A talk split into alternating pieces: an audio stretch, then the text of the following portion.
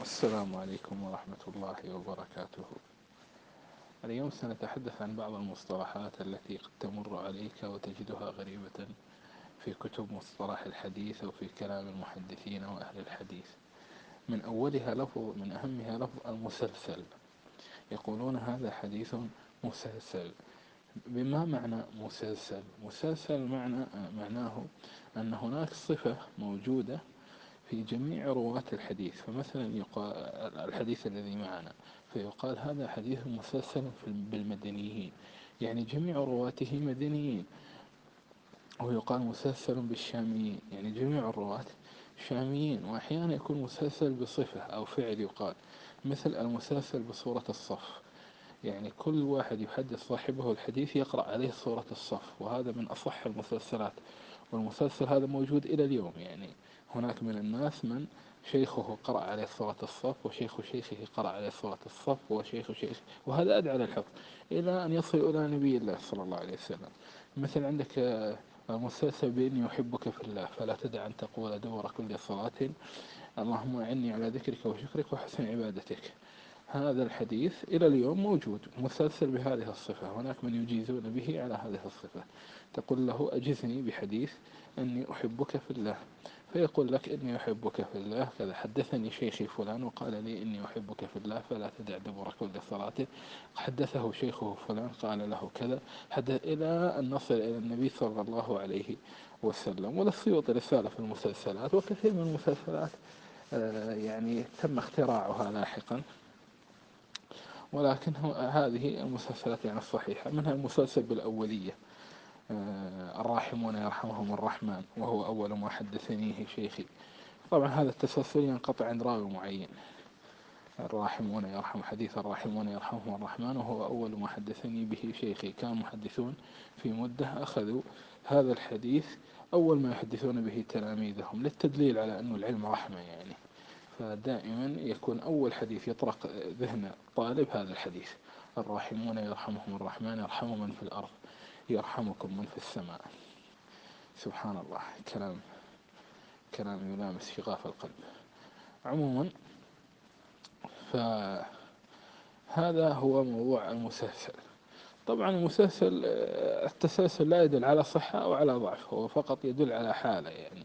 فقط حالة فلهذا هذا البحث ليس من الأبحاث الضرورية في الفن ولكن لكي يفهم الإنسان ما, ما يقرأ حين يرى مثل هذه اللفظة. هناك لفظة أخرى يقال لها المدبج. ما معنى المدبج؟ المدبج هو اثنان أقران يروي أحدهما عن الآخر. يعني تجد مثلا سفيان مرة يروي عن معمر ثم تجد معمر نفسه يروي عن سفيان مالك يروي عن سفيان ثم نجد سفيان يروي عن مالك. هذا اسمه مدبج فيقول لك فلان وفلان تدبجا. يعني كل واحد منهما روى عن الآخر كل واحد منهما تتلمذ على الآخر. وهذا كان يحصل كثيرا من المحدثين من أهم حالات التدبج في التاريخ التدبج الشافعي مع أحمد. الشافعي في واقع الأمر تتلمذ عند أحمد وليس فقط أحمد تتلمذ عند الشافعي بل, بل في واقع الأمر الشافعي استفاد من أحمد أكثر مما استفاد الشافعي أكثر مما استفاد أحمد من الشافعي. طيب ومن اللطائف وهذا يسمونه السابق واللاحق في باب علم الحديث أن الشافعي روى عن أحمد وروى عن أحمد رجل يقال له أبو القاسم البغوي. بين وفاة الشافعي وفاة أبو القاسم البغوي مئة عام. يعني تخيل عندك تلميذان بين وفاة هذا وفاة هذا مئة عام. هذا سبحان الله من الغرائب التي يذكرها المحدثون. وهناك لطائف كثيرة يعني مثلا الطبراني رحمه الله عاش مئة سنة من 260 إلى 360 له تلميذ اسمه ابن ريذة هذا ابن ريذة أيضا عاش مئة سنة. ولابن ريذة تلميذة اسمها فاطمة السمرقندية. عفوا فاطمة الأصبهانية. هذه أيضا عاشت مئة سنة. ولهذا الرواية إذا جاءت من طريق فاطمة الأصبهانية عن ابن ريذة عن الطبراني يعتبرونها علوا لأن يختصرون عليك ثلاث قرون بلحظة الشكل بالسرعة. لأن كل واحد منهم عمر وطال عمره. آه، رحمة الله عليهم أجمعين. طيب فهذا آه، مصطلح المسلسل ومصطلح التدبج والسابق واللاحق. أيضا عندنا حاجة اسمها الإجازة. ما معنى الإجازة؟ الإجازة. الإجازة على أنواع. يعني الإجازة مثلا أن أدفع لك كتابا وأقول لك اروي هذا الكتاب عني. هذا المحدثون لكن لم يكونوا يحبونه. يعني يقولون الإجازة الصحيحة أن أن يقرأ التلميذ على الشيخ.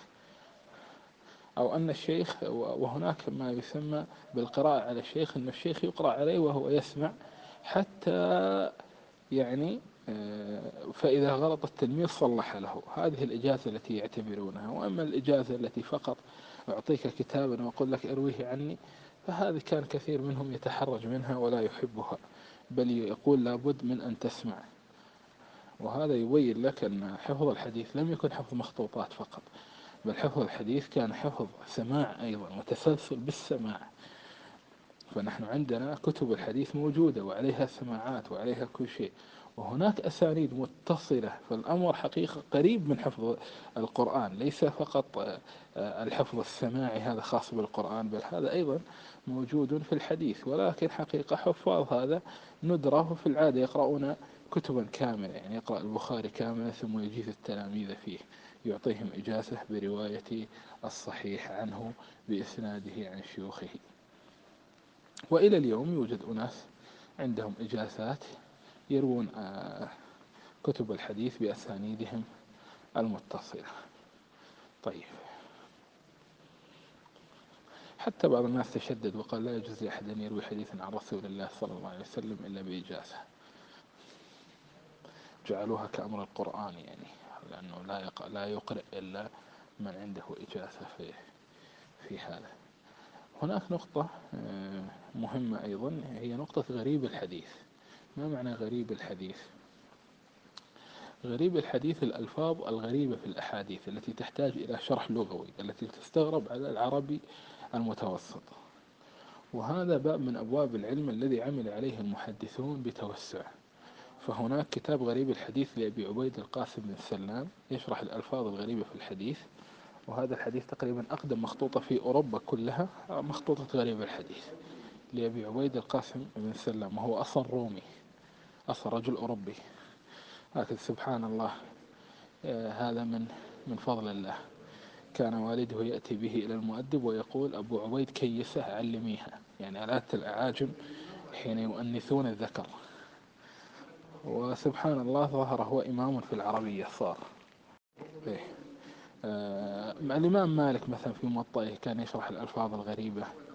آه حتى الصحابة كانوا يحدثون بألفاظ النبي فبعض الناس يستغرب يقول ما, ما معنى اللفظ الفلاني؟ فالصحابي يشرح له. يشرح له ما ماذا. وسفيان بن عيينة تسعين سنة وهو يطلب غريب الحديث. هنا غريب الحديث الحربي لإبراهيم الحربي وهنا. ولكن خذ هذه الفائدة. آه، وهنا غريب الحديث الخطابي وهناك والبخاري نفسه كان يشرح الألفاظ وإلى آخره. وهذا عادة المحدثين إذا ألفوا. معاجم اللغة الحالية هي أصلا جاءت من كتب غريب الحديث. يعني معاجم اللغة الحالية كانت عملية دمج بين كتب غريب الحديث وكتاب العين للخليل بن أحمد الفراهيدي الذي كان هو أصلا من رواة الحديث. الطريقة المعاجم الحالية هي كطريقة كتب غريب الحديث. ليست كطريقة كتاب العين للفراهيدي. الفراهيدي كتاب العين له والذي هو يعد تقريبا أقدم معجم لغوي. كتاب مرتب بطريقة غريبة ليس بالألف باء تاثا بل مرتب على على على مخارج الأحرف. على العين ها ها هكذا. فلهذا سمي كتاب العين. اللغويون لم يستفي لم يأخذوا هذا من الخليل الفراهيدي بل اعتمدوا على ترتيب المحدثين لما ألفوا في الغريب. وعلم الحديث حقيقة هو علم انبثق منه عدة علوم. منها هذا العلم علم آه، الغريب الذي بعدين صارت معاجم لغة بعدين صار لسان العرب بعدين صار كذا بعدين صار. وأيضا بثق منه علم التاريخ. فإن كتب التاريخ القديمة يعني التاريخ عند العرب بدأ بتأريخ سيرة النبي صلى الله عليه وسلم. فكتب السيرة تلاحظون الذي درس كتب السيرة والمغازي هي أقدم من كتب التاريخ العادية. ثم بعد ذلك جاءت كتب تاريخ مثل تاريخ الطبري وغيره يؤرخ للنبي ثم يؤرخ للناس الآخرين. ولهذا هناك كتب مثل تاريخ بغداد تاريخ دمشق تاريخ دارية تاريخ واسط تاريخ هذه الكتب كلها طريقتها ما هي؟ طريقتها أنها تذكر رواة الحديث الذين من أهل هذه البلد ومن خلال رواة الحديث الذين من أهل هذه البلد تعرف الأحداث التي مرت بها هذه البلاد فيعني ليس آه، أحداث ثم يأتي الأشخاص في المنتصف لا هي الأشخاص والأشخاص هؤلاء على أي أساس أتينا بهم أتينا بهم على أساس أنهم رووا الحديث عن رسول الله صلى الله عليه وسلم. فلو ذهبت إلى تاريخ بغداد أو إلى تاريخ دمشق أو إلى تاريخ ستجد أنه مرتبة بهذه الطريقة. ولهذا التواريخ الإسلامية هي انبثقت في الأساس من علوم الحديث. وهذه فائدة مهمة. من المجلس القادم إن شاء الله تعالى سأخذكم براحة. فترة راحة وستكون فترة جميلة جدا. هي تعلم ولكن ستكون أيضا بمنزلة راحة. حين يأتي إنسان يتعلم لغة جديدة فمهما تعلمت من قواعد هذه اللغة فإنك لن تستطيع أن, تكون أن تتحدث بهذه اللغة. حتى تحفظ كلمات كثيرة آه، أو أو تدرج على سمعك فتصير تتحدث بها فبعد ذلك ستستطيع أن تأخذ وتعطي مع الناس فيها بهذه اللغة. أما إذا أعطيتك قواعد فقط ولم أعطك الكلمات فإنك لن تستطيع أن تتحرك بشكل جيد أو تتحدث بهذه اللغة بشكل جيد. أليس كذلك؟ الأمر نفسه في علم الحديث. مهما علمتك القواعد فكونك لا تعرف الرجال أعيان الرجال على الأقل فإنك لن تستطيع أن تمشي بشكل جيد أو تفهم الأمر كما هو. لهذا سأختار طبقة وهي طبقة أتباع التابعين. وسأترجم سأذكر لكم في كل مرة ترجمة رجل منها من أئمتها الكبار المصنفين لأن هي الفترة التي صار فيها انفجار تصنيفي.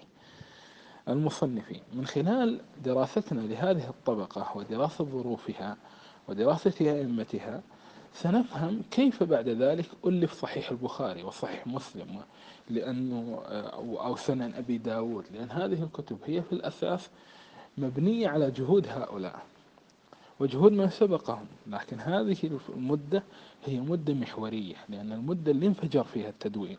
قبلها كان هناك تدوين لكن هذه المدة حصل فيها انفجار تدويني. هذه المدة هي المدة التي وثقت تواترا. يعني كل واحد من أئمتها آه، الحديث عنه يتواتر يرويه عنه خمسة وستة وسبعة وعشرة ومرات عشرين. فهذه المدة إذا أحكمت فترة أتباع التابعين خلاص يعني هي رمانة الميزان فترة التابعين وفترة فترة الصحابة فترة معروفة وسياقاتها معروفة والناس مزكين وكذا وفترة التابعين فترة قريبة جدا من فترة الصحابة. لكن هذه فترة أتباع التابعين اللي هي ظهر فيها الإمام مالك وظهر فيها سفيان فسنترجم لكل واحد وسنترجم لكم كيف صنف وكيف كان يصل للنبي صلى الله عليه وسلم وما هي وما هي أهم الأمور التي يعني وصفاتهم وعبادتهم وزهدهم وإلى آخره. فسيكون الأمر مسليا وفي الوقت نفسه هو في صلب الفن. وهذا الذي نفعله هذا فعله ابن رجب في شرح إلى الحديث. حين تكلم في الفن تكلم في الفن ثم أخذ استراحة بدأ يحدث الناس عن أئمة الفن. هذه الاستراحة التنشيطية. القصة نفسها فعلها ابن أبي حاتم في تقدمة الجرح والتعديل. حين جاء يكلمك عن الجرح والتعديل ويكلمك عن قواعد الفن أول شيء ترجم لك لأئمة الفن حتى تعرف من هم هؤلاء. حتى إذا عرفتهم تعرف كيف تزين كلامهم. وتعرف مجهوداتهم وما بذلوه. الأمر نفسه فعله ابن عدي في كتابه الكامل في الضعفاء. ترجم لهؤلاء الأجلة. قبل أن يترجم للضعفاء هو يترجم لك للذين تكلموا في الضعفاء. من هم؟ من هم؟ ولماذا نحن نعتمد كلامهم؟ وما هي الضمانات التي تجعلنا نعتمد كلامهم؟ ندرسهم هم بشكل تفصيلي. وهذه نقطة مهمة جدا أن كل واحد من أن الكثير ممن رووا تراث النبي صلى الله عليه وسلم إن صح التعبير هو نفسه له تراثه الخاص. هو نفسه له تراثه الخاص. طعنك في تراثه الخاص شبه مستحيل لأنه متواتر عنه. مثل آه، أئمة المذاهب. طيب وهم شخصيات معروفة. فإذا لم تستطع الطعن في تراثه الخاص فأنت معترف بوجوده وبكونه شخصية علمية مرموقة. طيب. روايته عن النبي صلى الله عليه وسلم وفصله تراث النبي عن تراثه الخاص هذا بحد ذاته قرينة صدق. والطعن فيه هو فيما يروي عن النبي صلى الله عليه وسلم سيكون أعسر. لماذا؟ لأنه له أقران. وله منافسون وقد شهدوا له بالصدق وعامتهم يتابعونه على كثير من مروياته ومروياته نفسها يدل عليها. فمجرد معرفة هؤلاء فيه تثبيت للسنة قوي جدا لمن عقل وفهم الأمور. فإن شاء الله تعالى من المجلس القادم سنبدأ بهذه الخطة. لكن أرجو أن تعطوني إجازة بعض الأيام. نسأل الله عز وجل أن يوفقنا لما فيه طاعته ورضاه. هذا وصلى اللهم وسلم على محمد وآله وصحبه وسلم.